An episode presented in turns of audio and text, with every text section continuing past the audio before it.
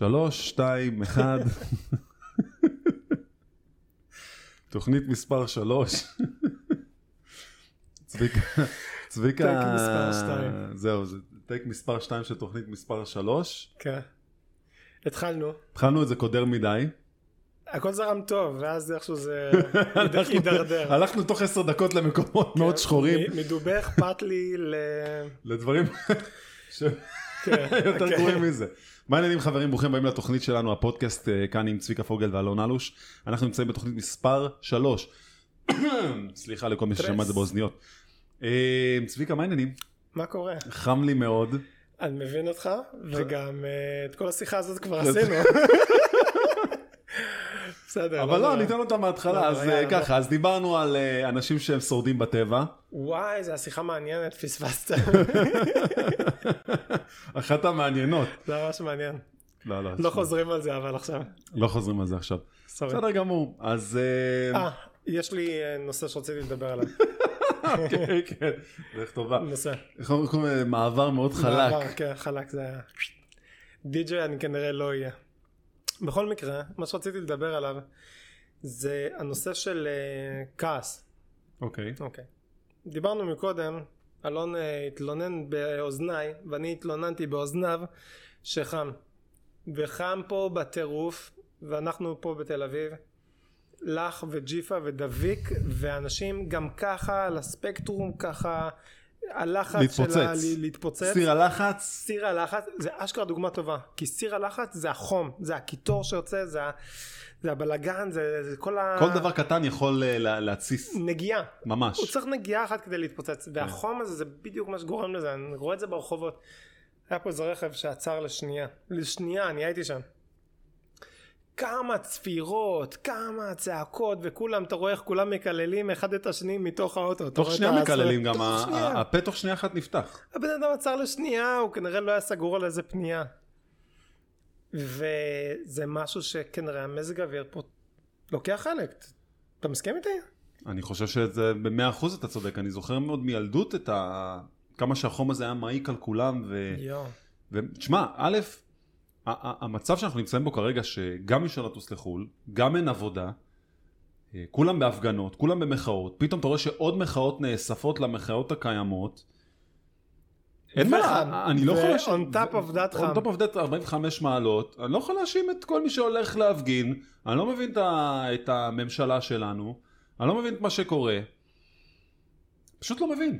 כאילו אנחנו חיים בכאוס, אנחנו חיים בכאוס, אני לא רואה כן, את זה. בשום דבר אחר, כי... אתה יודע משהו? כבר, אני חושב שכבר אמרו את הכל, אין לי כבר כוח אפילו להיכנס לזה מרוב שזה מטורף. אנשים מיואשים. פשוט מיואשים מהמצב כבר הרימו ידיים. כן, אתה יודע. נראה לך כבר משדרים בלילה של משדר המחאות, זה כבר נהיה כבר חלק מהלילה. עכשיו, אני לא יכול להאשים אותם.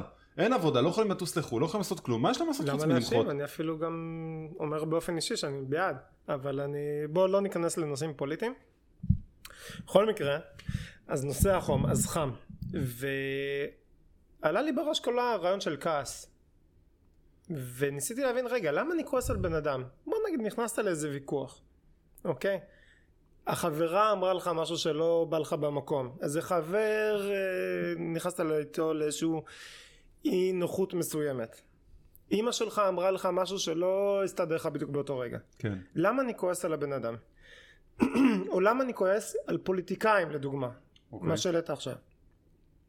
ואז עלה לי בראש הנושא הבא, ואני אשמח לשמוע את דעתך עליו, מהמם. והוא כזה. הבן אדם שעומד פה עכשיו מולי ואומר משהו שלא נראה לי, זה לא אשמתו. וזה לא אשמתי שאני אומר משהו. החיים הביאו אותי למקום הזה שבו אני מחזיק בדעה מסוימת שאותה אני משתף. כן. אוקיי? גדלתי בסביבה מסוימת, עם דעות מסוימות, בקהילה מסוימת, עם סגנון חיים מסוים. הגעתי לכל מיני נקודות בחיים ש... ש... עיצבו אותך. עיצבו אותי ושאיפו לי את התודעה. כן. וזה לא שזה באמת דעתי, כן? נסיבות החיים הובילו לכך שככה אני מתנהג. כן. וגם את- אתה או אדם אחר שמדבר אליך, נסיבות החיים הובילו אותו לדעה שבה הוא מחזיק. אז האם אני יכול עכשיו להתעצבן על בן אדם שמחזיק בדעה אחרת ממני? קודם כל אתה יכול להתעצבן, אתה לא חייב להגיב בצורה שהיא לא נורמטיבית. אבל למה להתעצבן? אם אני מבין שהדעה שבה הוא מחזיק הוא באמת מחזיק בה. אני מרגיש שבמדינה שלנו יש המון דעות, יש המון סוגים של אנשים והתפלגויות פה, וכמו כל אימ- אימפריה, אם אנחנו לא נתאחד הדבר הזה יקרוס. ויש הרבה אימפריות שקרסו בגלל ש... וזה גם משהו שהוא די מוכח, שכשמגיעים לאיזה... שאימפריה מגיעה לאיזה פיק מסוים של עושר כלכלה ו... ומעמד טוב. של המדינה, אז מתחילים להיווצר אה, אה, מיני אימפריות חדשות שרוצות בעצם לתת את האג'נדה שלהם על כולם.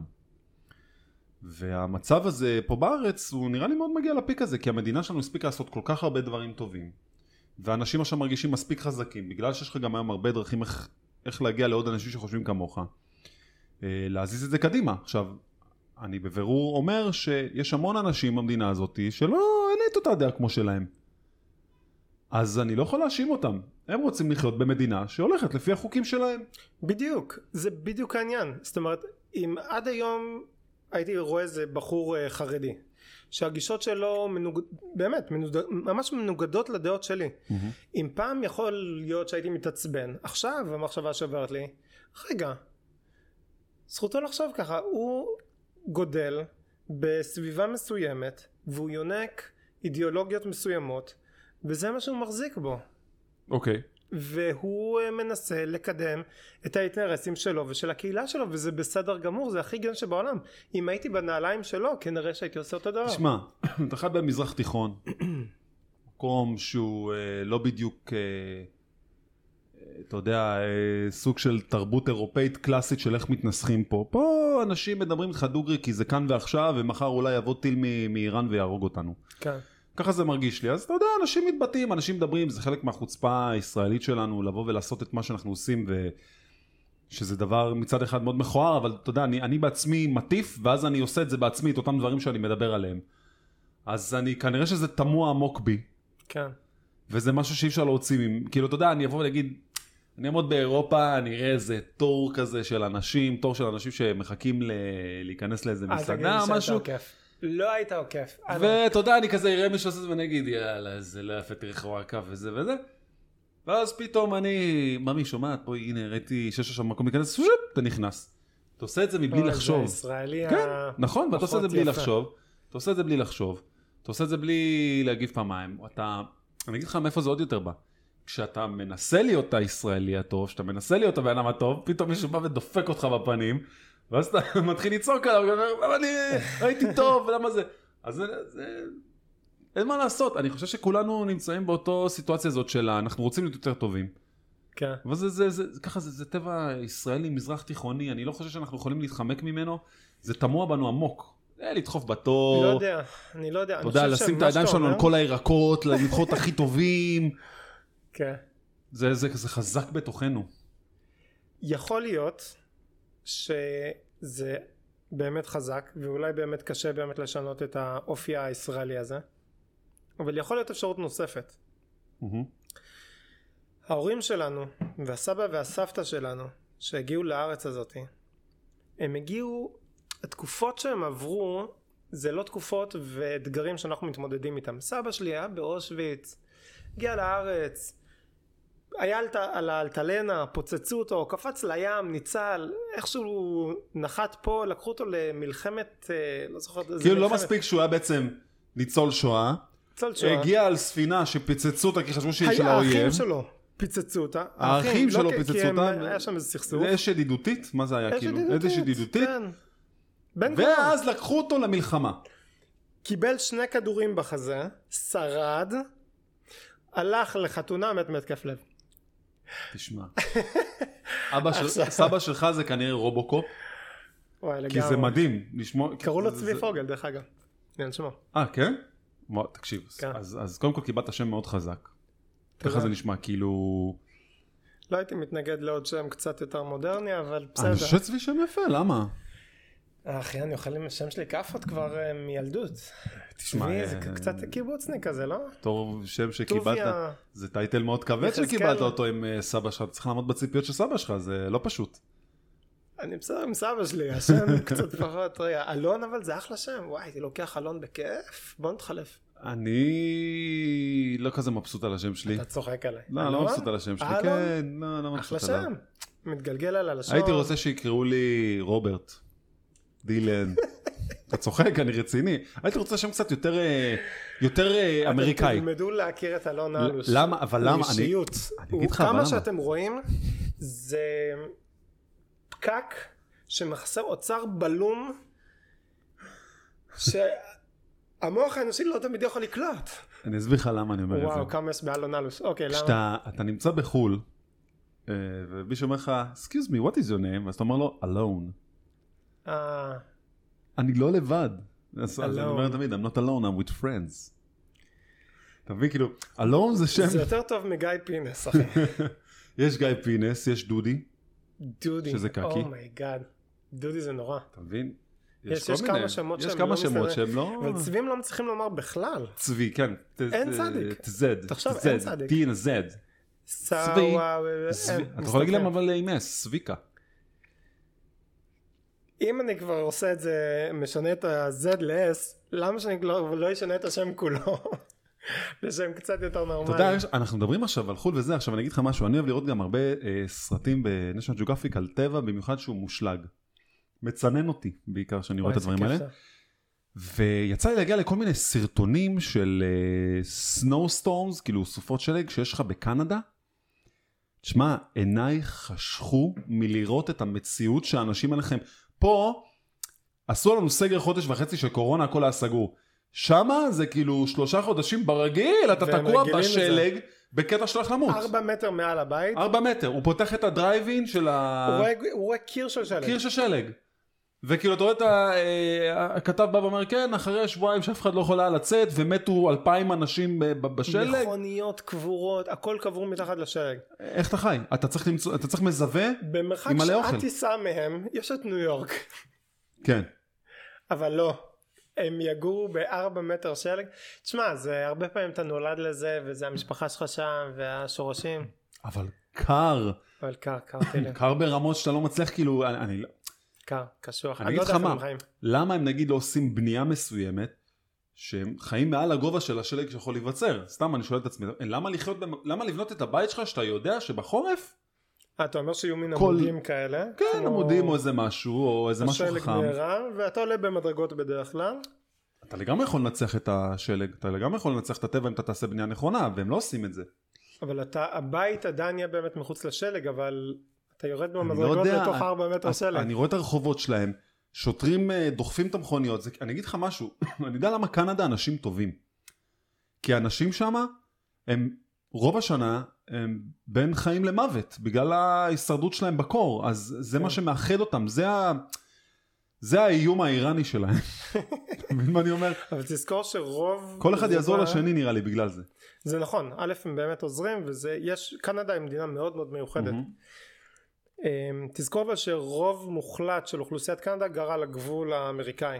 נכון, על הגבול. אלסקה כאילו אחרי זה מתחילה, לא איפשהו... אלסקה רחוק מערבה, כן, אבל ממש צפונה, כל לא? האוכלוסייה, צפון מערב, אבל כל האוכלוסייה היא ממש על הגבול. טורונטו היא... כן, אני יודע, היא מרחק. של יריקה מניו יורק, ממש, והיא גם ב-NBA. לצורך העניין, היא משחקת בכל ה... כן, כל, כל הערים כן. הגדולות של קנדה, כמה ערים גדולות יש בקנדה, אלה שיש, הן די קרובות לגבול בדרך כלל, כי שם באמת יותר חם. עכשיו משהו לגבי האופי הקנדי. אמ, טסתי לקנדה לפני אוקיי. כמה זמן, אתה זוכר? גרתי שם שנה, כן. וא', איך שנחתתי, מוריד אותי נהג מונית ליד איזה דירה של משפחה. איך שאני יורד, אוקיי? כביש יחסית מהיר, כן? זה לא איילון, אבל כביש אה, עם, עם תנועה ערה. אוקיי. מוריד אותי עם המזוודות, לוקח דקה אחת, עוצר רכב לידי, יוצאת, סוגרת את הרכב, את המנוע, יוצאת בחורה ואומרת לי, היי, can I help you? are you looking for somewhere? כאילו, סתם. ואני חשבתי, או שמצלמים אותי, או שרוצים כן לדפוק אותך. או שמה היא רוצה ממני, כן, איכשהו לעבוד עליך. ואז לאט לאט האסימון, אה, באותו לילה הלכתי למשפחה והיה איזה חדר כושר ליד, סידרו לי, הלכתי איזה פעם אחת. מול ה... המקום הזה שרצים, מול ה-treadmills האלה, יש טלוויזיות, והיה את המהדורת חדשות המרכזית של ה-National TV קנדה. אתה רגיל, מה יש בחדשות? הפגנות ופיצוצים ושוטר רמס עם הסוס את המפגינים ובלאגן וביבי אומר ככה וטראמפ. חדשות נשיונל ראיון, אוקיי, מעניין, ראיון, ראיון, מה יהיה בראיון? מראיינים אישה שגנבו לה את הפאפי, כן? גנבו לה את הגור מהבית והיא מתלוננת. בסוף אתה, בסוף אתה מבין שבטח זה איזה שכן שקלט שיש לו גוש סרטני והולך ו... כן, והוא הלך והמית אותו מוות אה, ידידותי. ידידותי, שיהיה לו טוב. והוא לא היה נעים לו לומר לה שלא תיפגע. תשמע, זה אה, קנדה. והיא מדהימה. וזה מדהים. זה מדהים, תשמע. מטורף. ויש שם גם צרפתים. כן. יש שם גם, אה, זה מרגיש לי יותר כזה בריטי אנגלי יכול להיות המקום הזה? הוא... כן, כן, הוא כזה, הוא אחד המושבות זה איפה הראשונות של שהצרפתים ה- והאנגלים עשו שלום וחיים אחד עם השני. איכשהו אחד עם השני, כן, זה צרפתים של פעם, זה לא צרפתים של היום. כן, זה הקולוניאליסטים, כאילו. כן, כביכול. משהו קולוניאליסטי, הצרפתית שם היא כזה מהמאה ה-16, אני לא יודע מה, ה-17. אה, כאילו יותר אה, ספרותית אתה... נראה לי התכוונת, נכון? צרפתי מפריז לדוגמה, שדבר עם יותר עירוני. צרפתי, כן. או דובר צרפתית, מקוואבק, בקנדה, הם יבינו אחד את השני, אבל קלירלי זה יהיה כאילו אתה מדבר אה. עברית עם מישהו משנות זה ה-40. כאילו אנגלית בריטית ואנגלית. אמריקאית עם הרבה דיאלקטים ו... יותר קיצוני לדעתי. כן. תשמע, אני... אני חושב שקנדה זה מקום שאני חייב ללכת לטייל. אין. ספק. היית? לא הייתי בניו יורק, נכון. אבל לא הייתי בקנדה. שזה די קרוב. זה די. די תשמע, קרוב. די קרוב בסקייל שלהם, זה לא כזה קרוב. כן, במיוחד לא למישהו כמוני שעשר דקות נסיעה מבחינתו זה... כן. בתור תל אביבי... אתה אה, לוקח את הקורקינט ותוך שנייה אתה מתנשא בכל ומסריח מקום. שכמוני. לי קשה להבין מה, מה קורה עם זה, אבל אה, בסדר. כן. אה, תשמע, אני... משהו לגבי מרחקים, צריך כן. שאני רגע כותב לך ורק אתה- אתה נקודה פו- אתה קטנה- פולש לי קטנה. לתוך אה, המקום שלי. פלשתי, פלשתי, אתה פולש לי אה, פולש למקום. לי גם, אוקיי. אמ, לגבי מרחקים, המרחק מצד אחד של ארה"ב או קנדה לצד השני יותר רחוק מטיסה מישראל ללונדון. Hmm. שנבין את הגודל העצום של המדינה הזאת. היית חוזר לחיות שם בארצות הברית? כאילו היית חושב שזה משהו שיספק אותך, או שהמשפחה והגעגועים היה יותר, יותר חזקים מזה? אני אשאל אותך את אותה שאלה, אני מחזיר את השאלה אליך, טיפה, מנ... טיפה מוריד ממנה, והייתי לשאול אותך האם היית גר איפשהו בחו"ל, באופן כללי, זאת אומרת האם היית מעז לחיות מחוץ לארץ? כן. כל כן. החיים? היית אורז את המזוודות וחוזר לפה לביקורים? תשמע, אני חושב שכן. אני חושב שלחיות 36 שנה כמעט בישראל זה המון. אני חושב שהבעיה העיקרית שלנו כישראלים היא שאין לנו לאיפה כל כך ללכת, בעיקר לרובנו, כי אין לנו עוד אזרחות. אה, וזה מאוד קוסם לך לעשות את הטרנזישן הזה, את המעבר הזה. אתה היית בתהליך כלשהו, לא? כן. של אזרחות? אה, כן. או של... כרגע זה עדיין בבירור. אדם, אוקיי. נראה. אוקיי. אולי כן, אולי לא. מה. שיצא יצא. ואם הייתי יכול לגור במקום אחר, תשמע, אני אגיד לך משהו. יש פה שאלה שהיא באמת הולכת לכיוון של איזה, איזה עם אנחנו. אם אנחנו באמת, היה, אין לנו מקום אחר כי אנחנו יהודים, איך אנחנו מסתכלים על הדברים. אני בן אדם שכל הזמן עובד קשה. ואני בן אדם שכל הזמן מנסה לשמור על עצמי גם כלכלית, וכל מה שעשיתי, אה, בניתי בעשר אצבעותיי. ובתור בן אדם שעובד קשה ויש לו מוסר עבודה של לעבוד מצאת החמה עד צאת הנשמה, אה, אני לא יכול להגיד שאני סובל.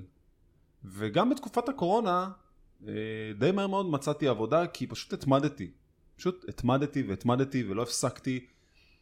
ו... הלכת לרעיונות עבודה? מה זה אומר לא לא זה אומר, הפסקת? כן, זה אומר, אתה יודע, להתמיד במה שאתה עושה, כי כמו הרבה אנשים שפיטרו אותם ממקום העבודה.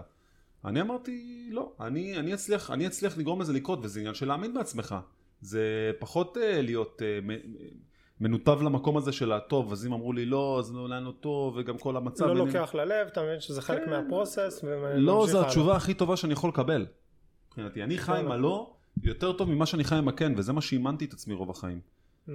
לא, מבחינתי זה, זה משהו שנכנס מאוזן אחת יוצא מהאוזן השנייה. זה כאילו, אוקיי, אז זה לא הצבע שמתאים למקום או למה שהם עושים.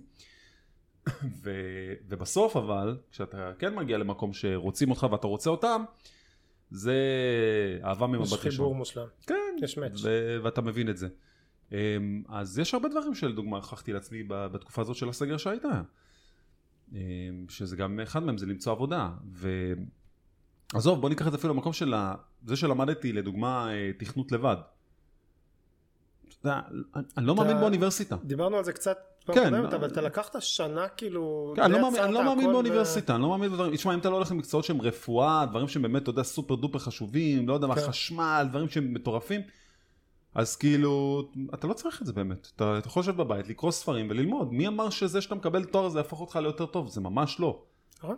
ממש לא, יש לי חבר לדוגמה שרושם, עכשיו הוא סיים את הלימודי אה, אה, תכנות שלו, אה, וכזה, רושם ת- 95 בציונים, מי אכפת?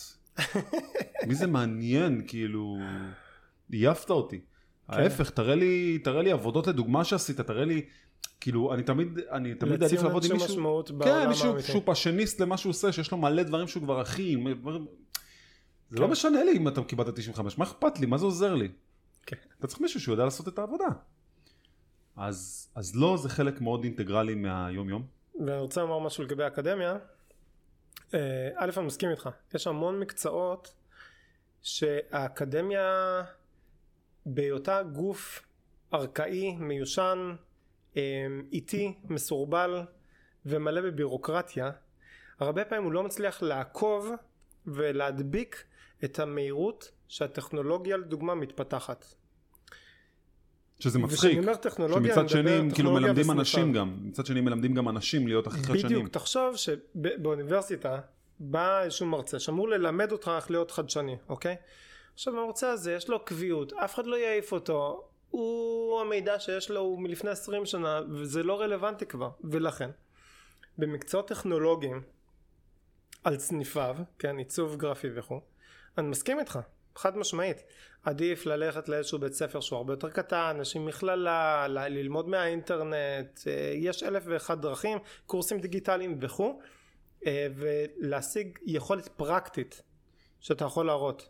אני רק רוצה לציין אבל, אם הייתי רוצה להיות מנתח מוח, או אם הייתי רוצה להיות מהנדס חשמל, בול. שם אתה לא חייב את זה, היית כי זה רוצה? עולמות שלא משתנים. ולא היית רוצה מנתח מוח שלמד את היכולות שלו בדיוק. באינטרנט. בדיוק. בדיוק. כן, אז זה תלוי אז מאוד יש מה זה תלוי. מהמקצועות, כי יש מקצועות שבאמת לא משתנים. רפואה לא לא תשתנה כן.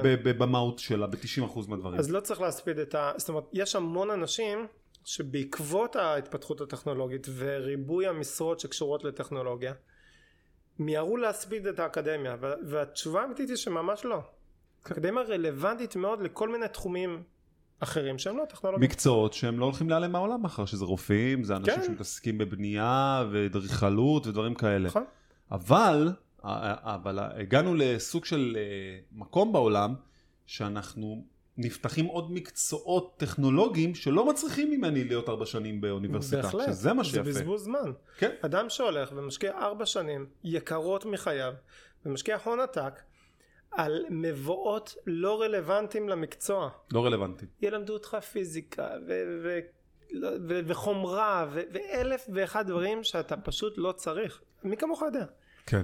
זה לגמרי הסיפור, ויש הרבה מקומות שאתה מרגיש שהם מכוונים למשהו אחד, אבל אה, הם בפועל מדברים איתך על משהו אחר.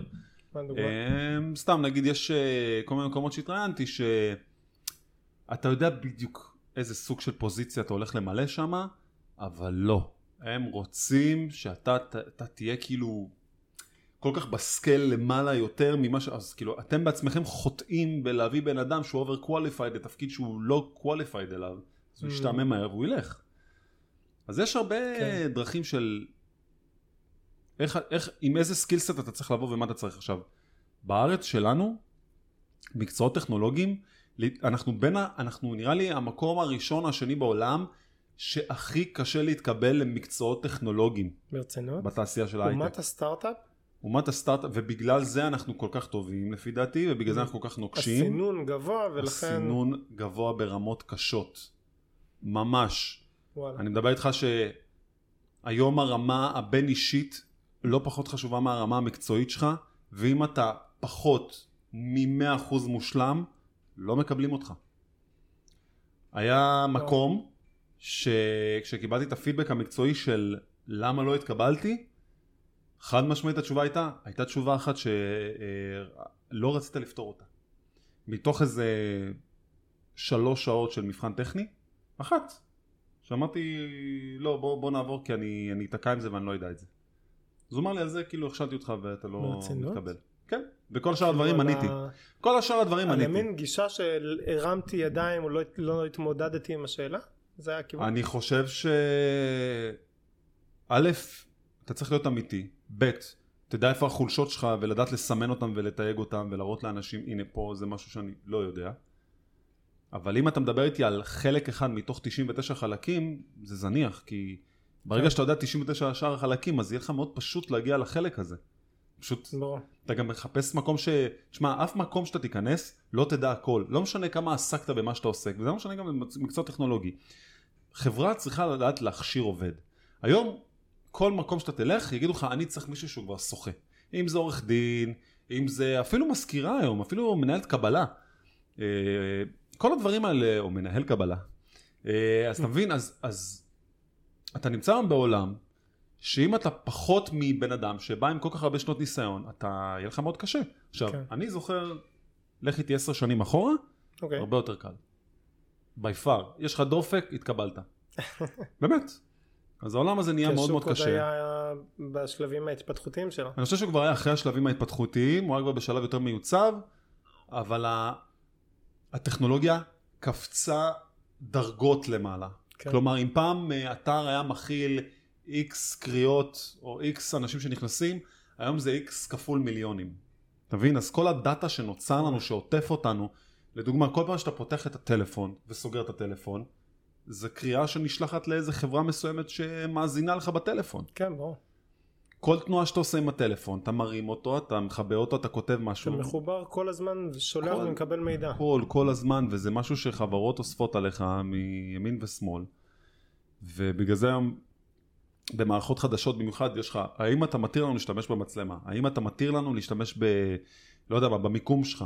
כן. שאתה כאילו מראש, אם אתה רוצה או לא רוצה, שתדע שאנחנו עוקבים אחריך, שתדע שאנחנו גם עושים לך מידע. החוק העלה את הנושא הזה בגלל זה. זאת אומרת שאנשים... אבל זה לא עוזר לך, אתה יודע למה? ש- כי אני אתן לך- את התשובה כי בלי המובהקת. לתת את ה... הוא לא צריך להשתמש אבל- באפליקציה. בדיוק. אז כאילו, אתה, אתה, אתה, אתה די אבוד, אתה בין כן. כף הקלע כזה של... אה, אגב, שאלה בנושא הזה. הרבה פעמים יש את האנשים שחושבים שפייסבוק לדוגמה מאזינים לך ואם אתה תדבר על נושא מסוים זה פתאום יקפוץ לך ב... באחד הפוסטים הקרובים או באיזושהי פרסומת. מה דעתך המלומדת? אה, שם, מה זה אומר? שם, מה זה שם? שאל את מרק, אה, אני לא פייסבוק, אני לא יכול לענות לך אוקיי. על זה. אני יכול להגיד לך אבל משהו שאני כן חווה אותו. אוקיי. אה, אני כן מדבר עם אנשים על דברים מסוימים, ואז קופצת לי הודעה.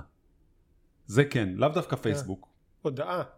כאילו, קופץ. לך pop-up. או איזה משהו שכן, שקשור. עכשיו, אני חושב שאנשים בדיעבד לא מבינים משהו. זה לא חייב להיות שהם מאזינים לך במיקרופון שלך, אלא אולי בלי לשים לב אתה מדבר על זה בכל מיני אפליקציות, מהמם. אולי לוקחים את המידע משם. בדיוק. אולי אתה מחפש את זה בעצמך בגוגל, או שחיפשת לפני שבוע וחזרת לזה, פתאום קופצים לך עוד. זה לאו דווקא חייב להיות המיקרופון. אתה מבין מה אני אומר? זה, ברור. זה לא... לא הייתי שם את הנעץ על זה, כאילו, אם זה יש- קורה או לא יש לי קורה, ניסוי לא קטן יודע. בשבילך. צריך לשאול את החברות האלה. אז יש לי ניסוי קטן בשבילך. תעצום שנייה את העיניים. אוקיי. כמה קל לגרום תעצום. לעצום עיניים, כן. תעצום.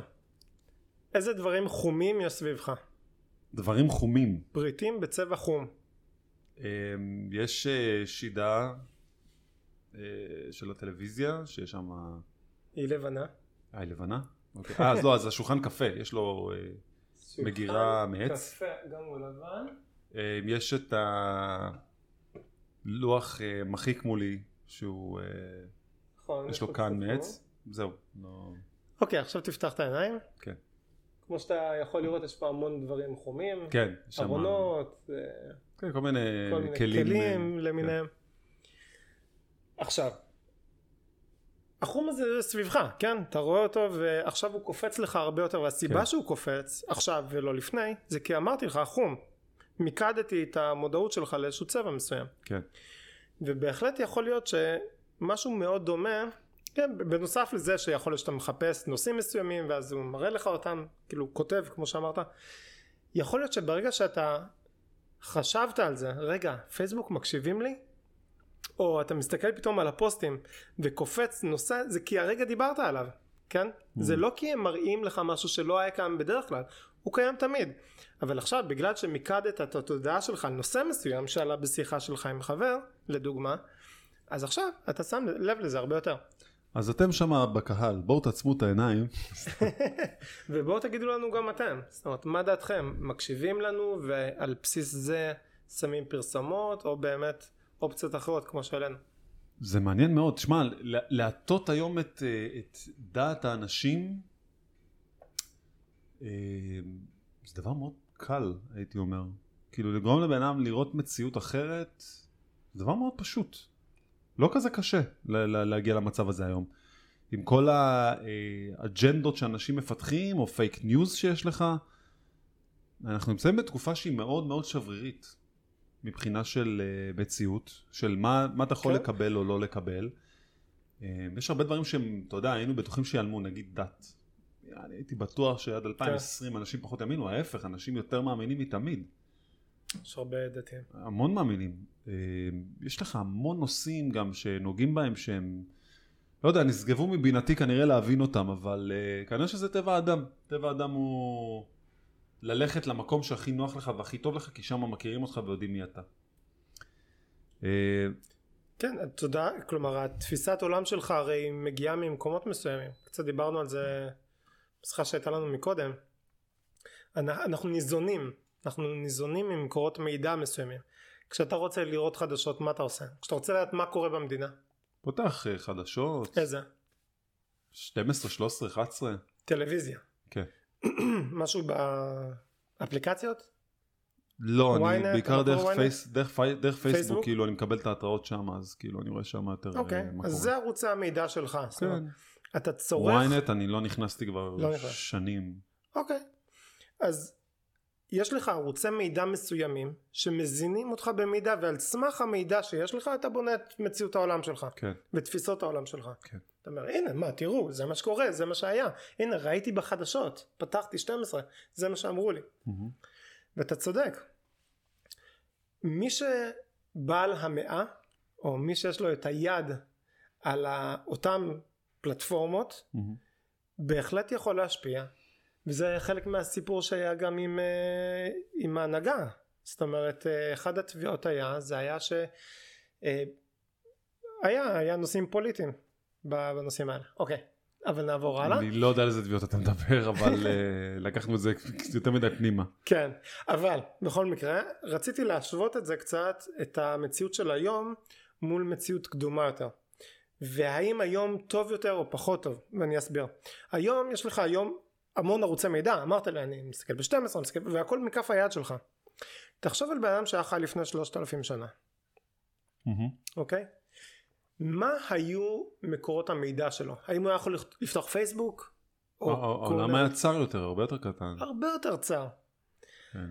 היה לו מקור מידע אחד או שניים יותר מ-100 קילומטר קדימה הוא לא בכלל לא יודע מה קורה הוא לא בעולם. יודע מה יש לא. כן רוב האדם כפרי שחי על איזה גבעה הוא לא יודע כלום. מגיע סופר מלכותי פעם באלף שנה או גובה מיסים ומספר להם מה קורה בממלכה. וזה ערוץ המידע היחיד ועל בסיס זה אתה בונה את כל עולמך.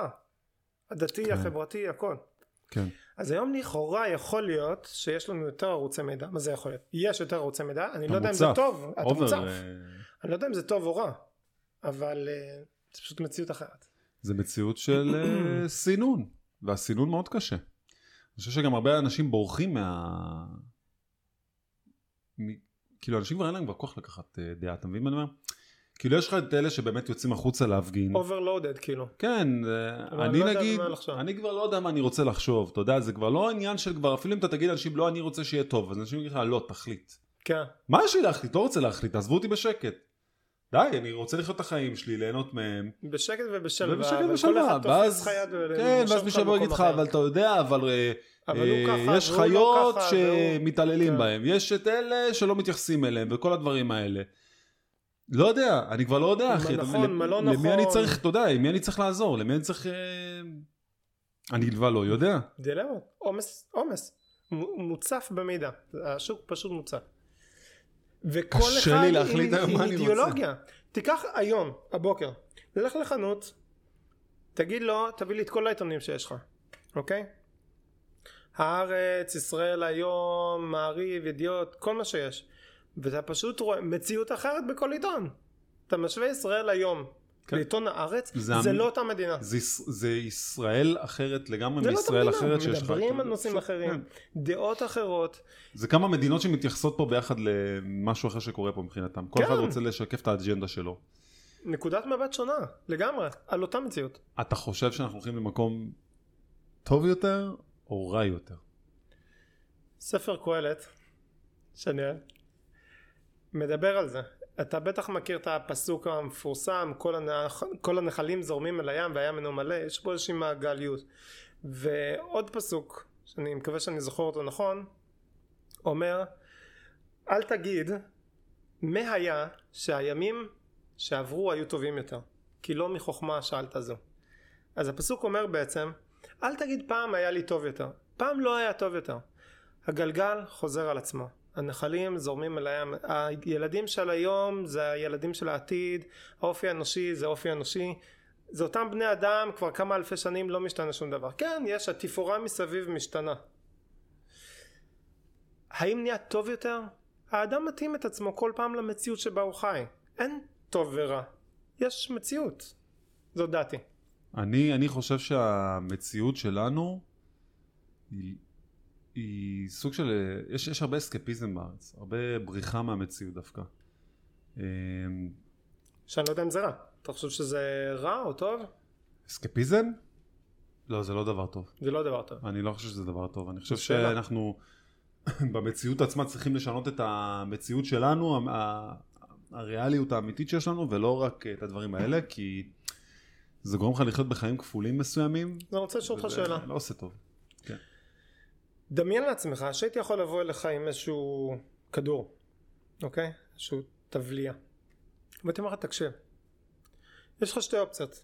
אופציה אחת, שאתה נשאר וחי את החיים הרגילים שלך פה וכאן ועכשיו והכל בסדר גמור, בגיל 120, תגיד תודה על מה שהיה וממשיכים הלאה. אופציה א'. אופציה ב', אתה לוקח את הכדור הזה. והכל יהיה מושלם. יש לך כל מה שדמיינת. תחיה במקום שאתה רוצה לחיות בו, במדינה שאתה רוצה לחיות בה, עם מצב כלכלי שאתה רוצה לחיות בו, מוקף באנשים שטוב לך איתם, הכל מושלם. וגם, בגיל 120 זה ייגמר והולכים לישון. אוקיי. אבל זה לא המציאות, אתה תישן על איזושהי ספה והכל יהיה בתוך הראש שלך למרות שזה ירגיש לך מציאותי לחלוטין. אתה לא תדע אפילו שזה לא מציאות. זה מאוד מתקשר לנו להתחלה של השיחה שדיברנו על קנדה, כי שם לדוגמה אמרנו שהכל זה all good news, הכל חדשות טובות. ואצלנו זה הכל חדשות רעות, באמת, אתה פותח את הטלוויזיה, אתה נחרד, כן, פשוט נחרד. ממש. מעשה ביזה, אונס, ניצול, אה, רצח, שחיתויות, הכל. שחיתויות. מה, א- א- איזה, לא? איזה סיפורים אין לך בחדשות? אתה לא יוצא עם חיוך מהחדשות. אתה לא יוצא מה- בחיוך בכלל, ואתה שואל את עצמך כל פעם, כשאתה רואה את החדשות, למה אני עושה את זה לעצמי?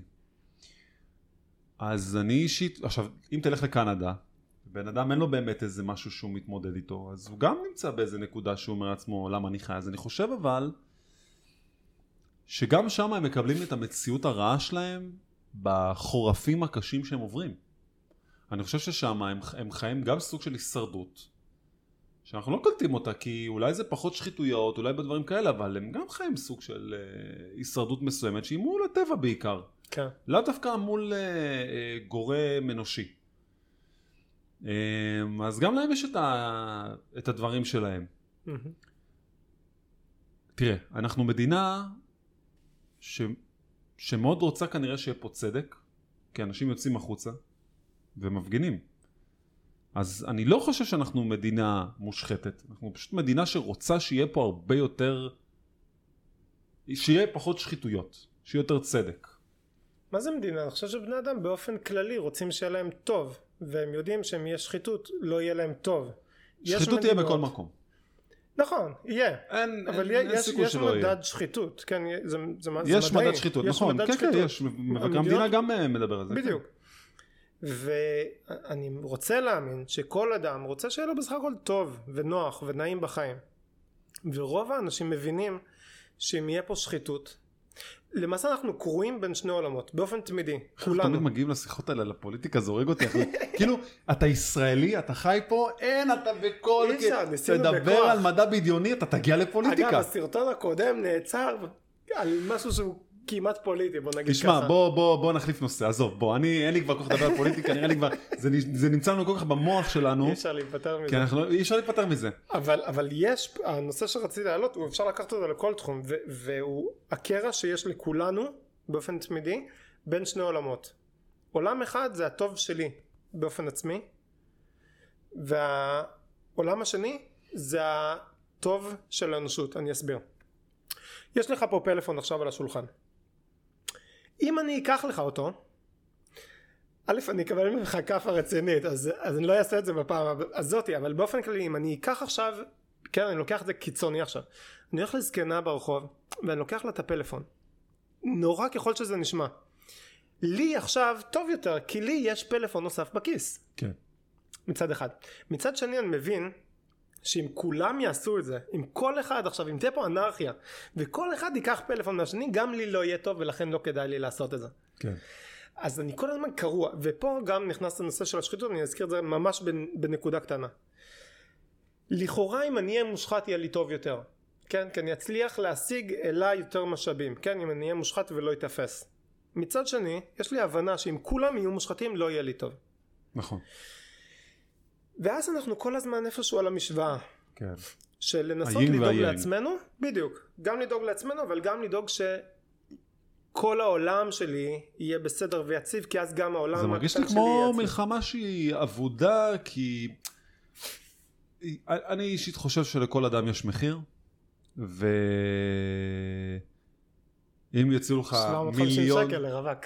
תשמע, אם יציעו לך מיליון דולר לעשות איזה משהו, שאתה יודע שבחיים לא יתפסו אותך, יגידו לך נגיד סתם לדוגמה, תשמע, קח מיליון דולר, תעשה משהו שבחיים לא יצליחו לעלות עליך. רוב הסיכויים שאתה תעשה את זה, וכל לא אחד יודע, אחר, זה- זה הרוב דילמה. יעשו את זה, לא, הרוב יעשו את זה, אומרים עזוב, לא משנה מה יקרה עכשיו, תלחץ על הכפתור, הכפתור הזה עושה משהו, לא משנה, לא ידעו שלחצת, אין מצלמות, אין צילום, מבחינתנו, אתה, אתה היית במקום אחר. אנחנו יכולים גם להוכיח את זה שהיית במקום אחר. סתם אני זורק אני לא יודע לך. מה היית עושה את זה. אם היה פה כפתור שהייתי לוחץ עליו מיליון מקבל דולר. שתי מיליון דולר במזומן ביד. מיליון דולר. ועכשיו הייתי הורס, כן? זה, מביא זה לך פירמידה. בית, זה הורס בית של משפחה, אוקיי? זה מה שזה עושה. תקשיב אבל מה אני אומר.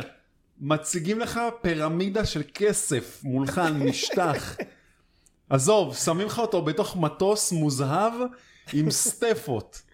אתה לוחץ או לא לוחץ שאתה יודע שאי אפשר לתפוס אותך. א', תלוי מה המחיר, כן? כן, אם אני, אם זה שובר לתינוק צעצוע, שיחרב הצעצוע, יקנו לו אחד אחר. זה פצצת אטום שאתה משחרר אותה לאיזה אני לא מדינה. יודע, לא הייתי עושה את זה. לא היית עושה לא, את זה. בשום מחיר שבעולם.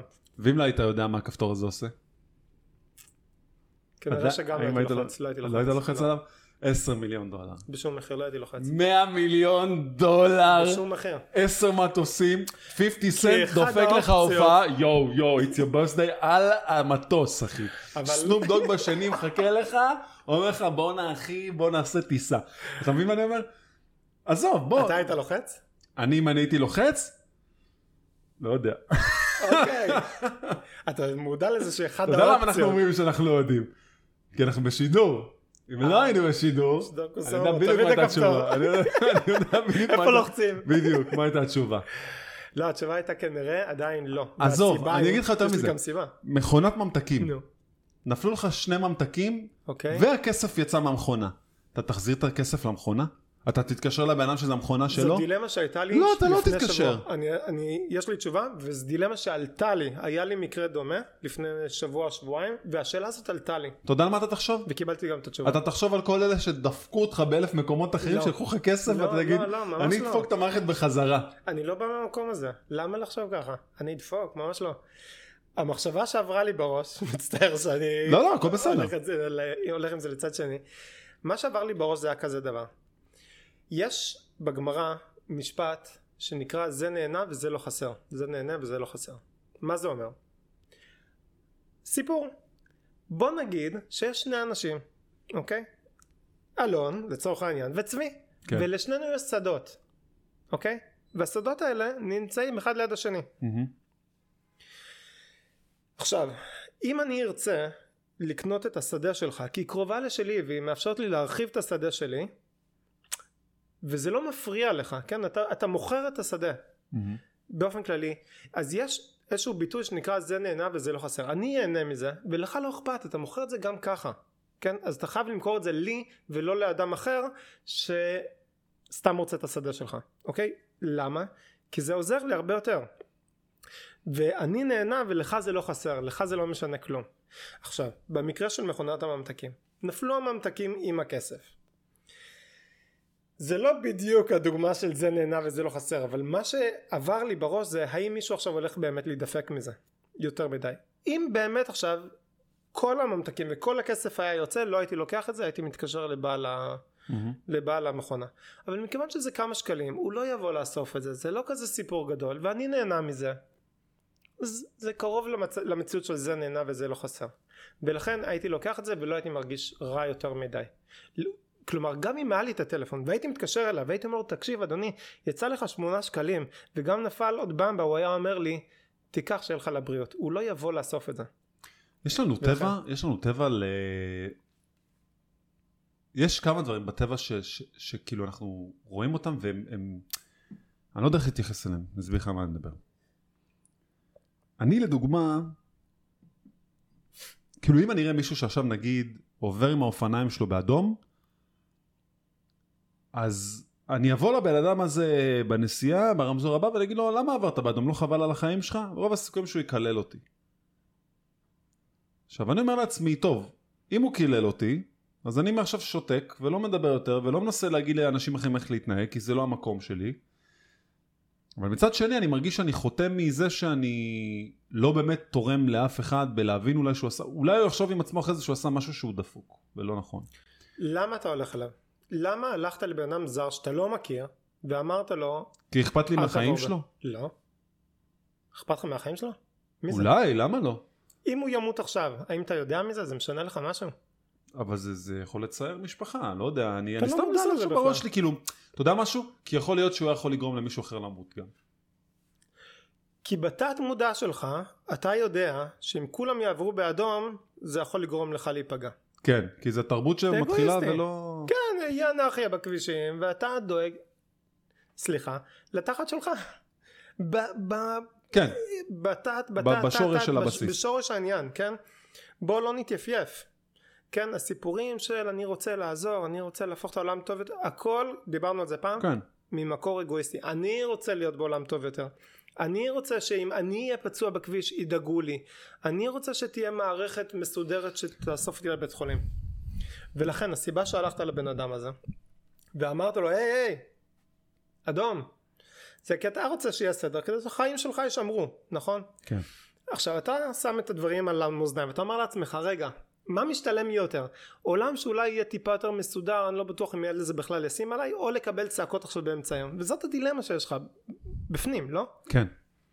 תשמע, אני רוצה לקחת אותך עכשיו באופן חד בחותך, כי אני חושב שמיצינו את זה, אמרת את זה יפה. כן אני כן חפרנו בנושא רוצה לדבר איתך על כסף. בעיקר על התנהלות כלכלית. בעיקר התנהלות כלכלית שהיא חושפת את כולנו עכשיו במערומיה, ולמה אנשים מגיעים למצב שהם מגיעים. עכשיו אני אתן לך את הדוגמה שלי. אני עזבתי את הבית כשהייתי בן אה, 18, הייתי בצבא גם אה, ועבדתי, ולמדתי בעל כורחי שכסף זה משהו שאתה צריך כאילו לחלק אותו ולחסוך ולשמור ליום אה, גשום. גשום, כמו שנוהגים לומר. ורוב החברים שלי תמיד קוראים לי אלוש הקמצן. קבוע, כולם. אלוש הקמצן, לא מאמינים הוא כאן יכול להיות הגלידה. שחטאתי בזה גם, אני מתוודה. כל הזמן קמצן, קמצן, קמצן, קפצן. עכשיו, בראש שלי, מה שתמיד עבר זה, תשמע, היה לי, כשהייתי בן 18, היה לי בוס תימני. הייתי מוכר אה, מצלמות ומחשבים איזה תקופה. והוא תמיד אמר לי, תקשיב, לימד אתה- אותך קמצנות מהי. לא, ממש לא. ממש לא. לא, לא, לא, אני לא אתן לך. לעשות שם כזה לאנשים טובים כאלה. הוא ממש לקח אותי כמו אה, בן שלו ואמר לי, תקשיב, לא משנה מה אתה עושה, גם אם אתה מרוויח פרוטה וחצי, שים רבע מזה בצד, לא משנה מה. לך תדע מה יקרה. עברו מאז חצי מהחיים שלי, שזה 18 שנים, ופתאום באה, תפסה אותנו הקורונה הזאת בכל המצב הזה. אה, וה, והמצב הזה פתאום תפס את כולם חזק. וחלק חסכו, חלק לא חסכו. חלק אה, יד- ידעו שיום כזה יגיע, חלק לא. ואני מנסה להבין למ, למה הגענו למצב שאנשים מבזבזים, מבזבזים, מבזבזים ולא שמים בצד. זה האנשים שאני רוצה לדבר עליהם.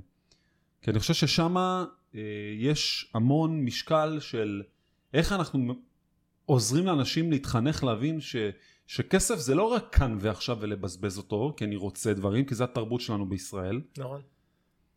אלא איך אנחנו גם יודעים לחסוך ליום אחר, כי אני אגיד לך מה, אם אתה בן אדם עם צרכים מיוחדים, אם את אימא חד הורית או אבא חד הורה, או, או לא משנה מה, ובאמת אתם לא אנשים שהם מה- מהמעגל אה, שבאמת יכולים ללכת לעבוד, אם אתם נכים וכל הדברים האלה, אני יכול להבין בצורה מובהקת למה אתם צריכים את העזרה של המדינה.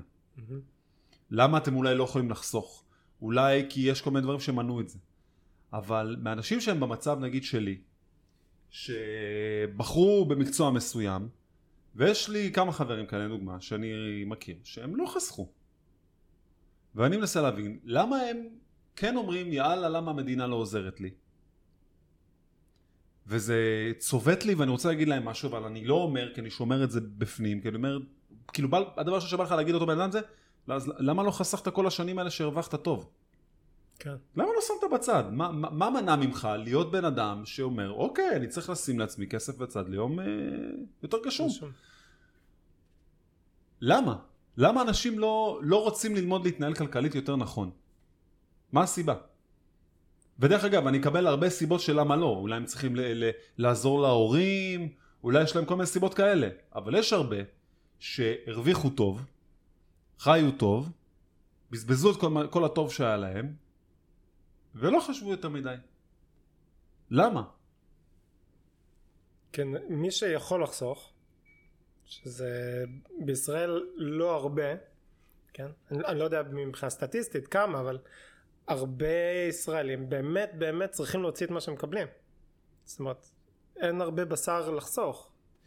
אבל אלה שבאמת יכולים ולא חוסכים, אני מסכים איתך, יכול להיות שיש איזשהו בעיה בחינוך. זה בעיה בחינוך.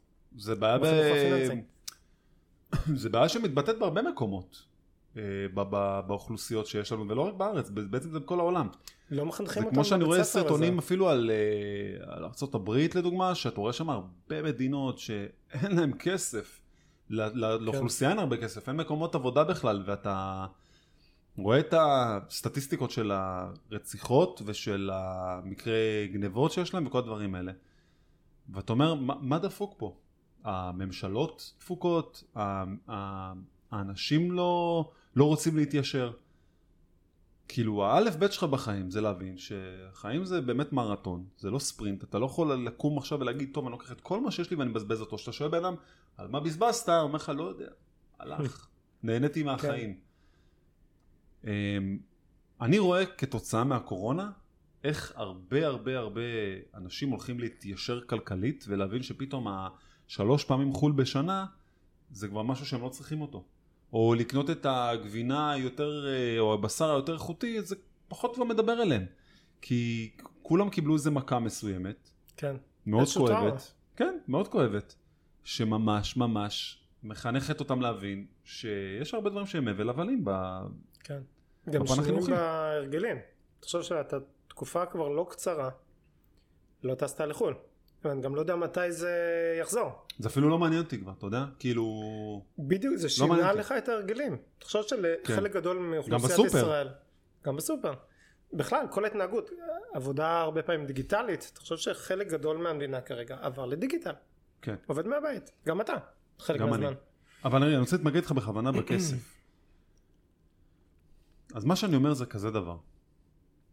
היום הכל פרוס באינטרנט. למצוא את כל הכלים שאפשר כדי להתחיל ללמוד איך לחסוך כלכלית. אני לא ממציא גלגל, אני לא קמתי יום אחד עם ידע ואמרתי לעצמי, אני יודע מה אני צריך לעשות. אתה מבין? אני פשוט התחלתי לחקור את העולם הזה, והבנתי שאני צריך ללמוד איך לגרום לעצמי כלכלית, לא ליפול. עכשיו, ברור שיש הרבה דברים שיכולים לקרות כדי להפיל אותך ושהם לא צפויים.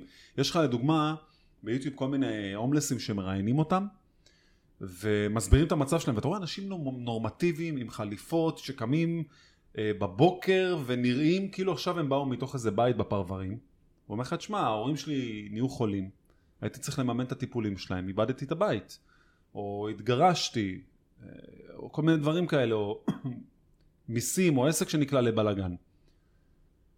וזה מצב שכאילו אני אומר, צריך בראש ובראשונה חינוך שילמד אותנו לחסוך, כן, חינוך פיננסי. פשוט חינוך פיננסי. כשאני פתחתי בכיתה, עסק פעם ראשונה בגיל... בכיתה ג' וד' תשמע, וה' גיל וו'. 21, פתחתי עסק פעם ראשונה.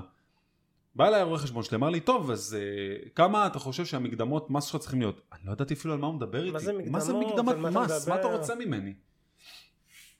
וזה, אתה יודע, אני כאילו, רק היום בגיל 35 למדתי מה זה, כי עשיתי רק עכשיו איזה קורס של, שהמדינה מממנת לך אותו ברובו, של לפתוח עסק. הם מלמדים אותך מבחינת רשויות המס, רשויות ביטוח לאומי, אה, איך לפתוח עסק, ראיית חשבון טיפה בקטנה, כל מיני דברים כאלה. שזה מאוד מבורך. שמע, שילמתי איזה...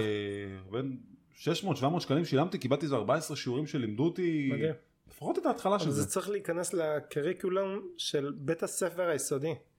לגמרי. כי החוסר מודעות הזאת, וזה גם משהו שדיברנו בתחילת השיחה, הסביבה, החינוך, הקהילה, כל אלה משפיעים על ההחלטות שאתה תיקח.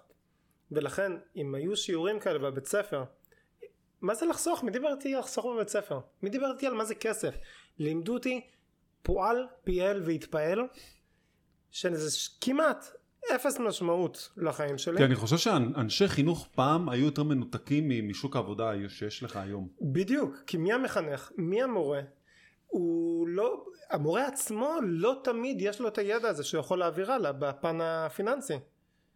יש מורה ללשון שהוא הלך ולמד לשון ולא בהכרח צריך להביא למערכת החינוך, לדעתי, אנשים שמבינים בפיננסים, שיודעים לתת תשובות. יש כל מיני דברים כאלה שקורים היום להתנהלות פיננסית, זה דווקא התחיל להיכנס. מדהים. אה, אבל אני חושב. שזה עדיין לא כזה מספיק. אה, אני חושב שהיום פשוט ילדים שאוהבים את זה מהאינטרנט בעיקר. אבל עדיין יש עדיין את- מי הגילאים שלנו. שהסביבה שלו מעודדת אותו. כן, יש עדיין את הגילאים שלנו של אנשים שלא כזה מבינים, לא. רוצים להבין, מפחדים מזה.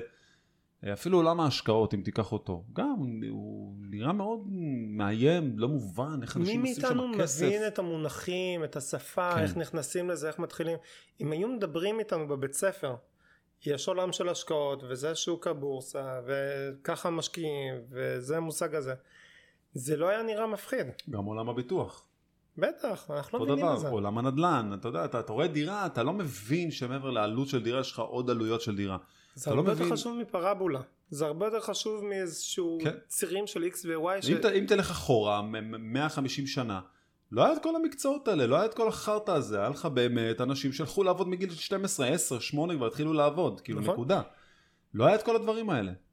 סוג של המצאה של אה, המהפכה חדש. התעשייתית של אה, ולכן. זה יהיה תהליך עד שזה ייכנס בצורה מסודרת. אגב, גם כל הנושא הטכנולוגי. גם עבור מי שלא הולך להיות אדם טכנולוג בסופו של דבר. הוא צריך להכיר את העולם הזה. כן, אתה, אתה לא יכול, זה כמו ל- להסתובב ברחוב בלי לדעת מה זה מונחים בסיסיים כמו כסף. כן. אתה לא יכול להתנהל. היום בלי טכנולוגיה, הכל מחובר לטכנולוגיה. לא הגיוני. היום כבר באמת, כמו שאתה אומר, מתחיל להיכנס לנושא הטכנולוגי וכל מיני שיעורי העשרה, אבל זה צריך להיות חלק, זה אמור להיות שיעור, כמו שיעור מתמטיקה. ממש ככה, אני חושב שאנחנו נמצאים אה, מאחורה אה, בכל מה שקשור להתנהלות הכלכלית. אה, זה בא לביטוי בעוד הרבה מקומות, והיינו יכולים לעשות הרבה יותר טוב אם היה, נגיד לך מה, זה פשוט גם עניין של הורים שאולי לא מציפים את הילדים שלהם בשאלות האלה, כי אין להם זמן, כי אלף ואחד תירוצים של למה כן ולמה לא, בוא ניתן להם להישאר ילדים.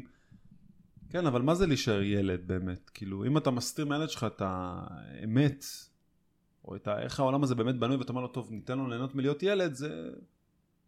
זה לא עוזר לו, זה לא תורם לו. בדיוק, הורים שהם מרחיקים פלאפונים מהילדים שלהם עד גיל מאוחר. אה, זו שאלה, אני לא יודע אם זה טוב או רע, כי הרי הם יגיעו לזה, כן? הם יגיעו לגיל ברור. 16 או 15 והם ייקחו את הפלאפון, ועכשיו, כשכל החברים שלהם כבר אשפים בהבנת המערכות, הם מאחורה. למה? כי האבא אמר לא, הוא צריך... העולם משתנה, צריך להתאים את עצמך לעולם המשתנה. וזה באמת דילמה, כמה טכנולוגיה וכמה מסכים נותנים לילד, והאם זה טוב או רע. אני גם אגיד לך עוד משהו, אני חושב שיש הרבה אנשים שבאים ואומרים, איך גדלתי פעם, איך היה פעם יותר טוב, יותר פשוט, ו- כן. ואני חושב שזה דבר הכי גרוע שאפשר להגיד. הדור של היום לא דומה לדור שלי, כמו שאני לא הייתי דומה לדור שלפניי. כשאני הייתי בן עשר, קיבלתי את המחשב הראשון שלי, ועשיתי דברים שההורים שלי לא הבינו בכלל מה אני עושה, או למה אני עושה את הדברים האלה. והיום שיש לך ילדים שהם כבר בגיל 10, 12 כבר בונים לך אפליקציות, ואתה אומר לעזאזל איך הם עשו את זה כל כך מהר, כי המוח שלהם בנוי אחרת, כי הם פועלים אחרת, ו- ויש איזו שאיפה תמיד שאנשים יחיו לפי הערכים של, שאתה גדלת עליהם. זה, כן, כשהבן לא יוצא בדיוק כמוהו, אתה רוצה, כן. אתה פשוט מנסה, לה- יש, אה, חוזר שוב לכתובים, בספר בראשית מסופר איך אלוהים מתייעץ עם המלאכים ואומר, הבה נעשה אדם בצלמנו כדמותנו. רפליקציה, קופי פייסט. והרבה פעמים גם ההורים רוצים קופי פייסט שלהם, מה זה ילד? הוא רוצה לראות את עצמו בגרסה צעירה יותר, עם, עם השאיפות שלו, שיגשים את החלומות והשאיפות שהוא בעצמו לא הצליח נכון. להגשים. ולא תמיד זה המצב, העולם משתנה והילד יש לו שאיפות משלו, ההורה צריך להבין שהילד הוא לא קופי פייסט שלו, הילד הוא ישות עצמאית עם רצונות ותפיסות עולם משלו. נכון. ואני מקווה שאנשים יהיו יותר פתוחים להבין את זה, אבל זה משהו שכנראה כל שנה, כל דור בעצם יחזור כל לדבר דור הזה. עובר את התהליך הזה, זה מדהים לראות את זה, איך שום דבר לא משתנה ופה אנחנו חוזרים לכל הנחלים זורמים לים וים אינו מלא. זה השמש זורחת ושוקעת, הגלגל הזה שכל הזמן מסתובב וחוזר על עצמו, קיים גם באופי האנושי. אה, אני חושב שפעם דיברנו על זה, סיפרתי לך על אפלטון שמתלונן על הילדים באתונה, איך הם חוצפנים. כן. ושכשהוא היה צעיר הם לא התנהגו ככה. הטבע האנושי. איך אתה רואה את 2021? בוא נגיד ככה, יותר נמוך מ-2020 לא יהיה. אתה בטוח? אני רוצה להאמין. מה, מה, כמה אנשים כבר מתו מהמגפה בארצות הברית? נראה לי הם קרובים ל-180? הם היו לפני חודש כן. או חודש, חודשיים על 80, על 100 אלף? צריך לזכור שארצות הברית היא? מדינה גדולה. ושמספרי השפעת לדוגמה צנחו כמעט לאפס, כשכל שנה יש מספרים כאלה של שפעת. אנשים מתים, ופה אני בפעם השלישית חוזר לגלגל, זה חלק ממחזור החיים, אנשים מתים, יש מחלות, פעם זה חולרה, פעם זה מלריה, פעם זה זה, זה כל הזמן חוזר על עצמו וזה, וזה חלק הכרחי מהעולם. אנחנו לא יכולים כולנו להישאר חיים. זה לא מתאפשר, זה חלק הכרחי. המוות והדור הבא, כן, אנחנו מאוד מסתירים את המוות במיוחד בחברה לא המערבית. צריך. בדיוק, זה חלק, זה, זה בסדר. אם זה... אתה תלך לתרבויות אחרות, הם לגמרי מכבדים את זה או מכילים את זה, ופה... כאילו כן, שמע, תרבות מערבית היא מאוד קשה להם לאבד. מוות, לא מדברים על זה. היקירים, לא מדברים על זה זה. דבר מאוד uh, סרטי אימה. כן, בדיוק. סר... מה, מה יש בסרטי אימה? מוות. מוות, זה, זה כל הסיפור. כן, איך מישהו משהו נקטע. הולך להתקלע, משהו נקטע, רוצחים אותו. וכל הסיפור של הסרט אימה מתבסס על זה. זה מאוד מפחיד, מפחידים אותנו כל הזמן מזה. אני אגיד לך משהו גם, אני חושב שבטח שלאבד מישהו זה דבר מאוד קשה, אבל כמו שאתה אומר, אנחנו לא מכינים את עצמנו לדברים האלה, שמשהו כזה יכול לקרות, ושם בעצם מגיעה הבעיה, ואז הרבה אנשים מתפלפים. בגלל שלא... שוב, זה עניין של תרבות. אתה מדחיק, מדחיק, מדחיק, וכשזה קורה, בום. כן. ואז בן אדם יכול או לחזור בשאלה, או לחזור בתשובה, או להשתגע מזה, או אלף ואחד דברים שיכולים לקרות לו. אה, לרוב אנשים לוקחים את זה למקומות טובים. לרוב. והרבה לא יכולים להתמודד עם זה, כי הם לא רוצים לחשוב על זה אי פעם, כמו שאתה אומר, זה עניין של הדחקה מסוימת. אני... קשה לי, כאילו... לא יודע, זה פשוט זאת נושא... הדחקה אגואיסטית. אני אומר אני אומר את זה על עצמי, אוקיי? אני מצביע לרגע על עצמי. כשאני מתאבל על מישהו, למה אני מתאבל עליו? כי אני איבדתי משהו, לקחו לי צעצוע. עכשיו אני כועס, לא טוב לי, אני בוכה. אני לא חושב עכשיו כל כך מה יקרה איתו, כן? בוא נסתכל שוב פעם, אני קצת שוחט פרות קדושות, אבל בוא נסתכל שנייה על עצמנו. אתה הולך להלוויה, למה אתה בוכה? כי הוא סובל? כי כואב לו? לא, נגמר, לא כואב לו, הוא בקבר. אתה בוכה כי אתה איבדת משהו. לך עכשיו חסר משהו מהחיים. והמוח צריך לעכל את זה, וזה פרוסס מסוים שקורה של... אה, כן. אין לי את הריסורס הזה, אין לי את המשאב הזה שהיה לי כאילו... אני בן אדם. וגם המוח שלנו עובד בצורה כזאתי שהחיבור של הרגש להיגיון, יש פשוט אה, קצוות מאוד דקים, שברגע שקוטעים אותם, הם כל כך רגישים שהם פשוט עושים לך הרבה הרבה הרבה בלאגן בראש. ובעיקר זה נושאים של אהבה ו- ו- ובריאות ודברים כאלה שכן ברגע שאתה משחק איתם אפילו מעט המוח שלך מאוד קשה לו להתגבר על זה באגו שלו. והמוח מצא פתרונות. המוח מוצא פתרונות. על מוות. אה, שוב, זה, זה לא מילה גסה, כן? זה בסדר לדבר על זה. ובאמת בכל מיני תרבויות קדומות, וגם ביהדות דרך אגב, התפתח הרעיון של עולם הבא. כן, אגב, עולם הבא לא כתוב בתנ"ך. כאילו, ב... אין, אין פעם אחת המילה עולם הבא. אוקיי. בכל התנ"ך. זה התפתחות. גן עדן זה לא נחשב ל... לא, גן עדן של, של ספר בראשית זה גן. גן גן. כאילו אמיתי, פיזי. שם גן, כן, לפי מה שתואר, גן פיזי שהיה שם בן אדם אוקיי. ואשתו, טיילו ואכלו פירות וירקות, הכל טוב. אם אנחנו מדברים על העולם הבא, כן, גן עדן וגיהנום, למ- מאיפה הרעיון הזה התפתח? מהאי הסכמה שלנו לסיים לקבל. את המשחק, לקבל את זה, לא, הוא לא מת. הוא במקום טוב יותר. וואו. והרשעים, וואי וואי וואי מה מחכה להם שם. זה מטורף. המשכיות. פחד מלאבד. לא איבדתי אותו, הוא איתי עדיין. אני יכול לדבר איתו, הוא שומע אותי, רואה אותי. כל מיני כאלה. כן, זה דברים ש... זה, זה פשוט גורם לך לחשוב. פשוט גורם לך לחשוב. זאת התבלייה. זוכר שדיברנו על התבלייה? מהמם. זוכר שאמרתי לך איזה גלולה אתה רוצה? כדור? זה הגלולה. מה זה הרעיון של עולם הבא? אני נותן לך גלולה ואני אומר לך תקשיב בוא אני אספר לך משהו. הוא פה. הוא מקשיב הוא רואה אותך עכשיו. איזה הרגשה טובה. אל תדאג בשלב הבא כל אחד יקבל את מה שמגיע לו. לא יהיה צדיק ורע לו או רשע וטוב לו. אתה יודע, אני כאילו חושב, דיברנו הרבה דברים האלה, ופתאום עלתה לי הסדרה דקסטר לראש. אתה זוכר את הסדרה דקסטר? בטח. משהו ספציפי? וכמה, כן, כאילו, כמה נהנינו לראות שלא תופסים אותו למרות שהוא רוצח. כן. הטבע הבסיסי שלו במוח שלו זה היה לי, כאילו פשוט... הוא ל- רוצח. לרצוח. ו... וזו סדרה שהייתה כל כך נצפית, ואנשים נראה לי אהבו את הקטע שכאילו לא תופסים אותו הפעם. כאילו רצית שיתפסו אותו בסוף, אבל אוקיי, הפעם לא תפסו אותו. מה זה אומר על התרבות שלנו כבני אדם, שאתה רואה כזה דבר? אתה מבין מה אני אומר? זה כאילו... האם זה גם סוג של השלכה על החיים שלנו? כמו שדיברנו נגיד על שחיתויות, כמו שדיברנו על הרבה. דברים, ואני אומר לך, עזוב אותך של פוליטיקה, בכלל, כל דבר שאנחנו מדברים. זה כאילו, אנשים לפעמים אוהבים גם ל... לאהוב מישהו שהוא כאילו עושה משהו שאסור. לעשות, אבל יש בזה איזה משהו שמושך אותך לזה לראות אותו שהוא ממשיך וממשיך וממשיך. מתי שאתה רוצה שיתפסו אותו. כן. אז אני אומר לעצמי, כאילו, זה פשוט, כאילו, גורם לך גם לאהוב את הבן אדם הזה. כן. לא יודע, חושב ש... יש עכשיו עוד סדרה כזאת שאני רואה של... אה, אני לא זוכר את השם שלה. עכשיו זה דונר? בעונה השלישית, שגם מישהי שכאילו כביכול, אה, מישהו בא ותקף אותה, וחבר שלה בא והרג אותו, אותו בן אדם שבא לתקוף אותה, ואז הם לא ידעו מה לעשות, ובהיסח דעת הם אמרו, טוב, אנחנו הולכים. לטשטש את, ה- את כל מה שקרה שם, ו, ו, ו, ולא ישמעו מזה יותר בחיים. כמובן שהאמת הרבה יותר I חזקה מהכל. כן, האמת יותר חזקה מהכל, ו... ואני שם לב שהסדרה הזאת תופסת פתאום מקום עכשיו של אה, איך אנחנו בעצם גורמים לכם לאהוב את הבן אדם שהוא בעצם ביצע מעשה אסור, מהמם.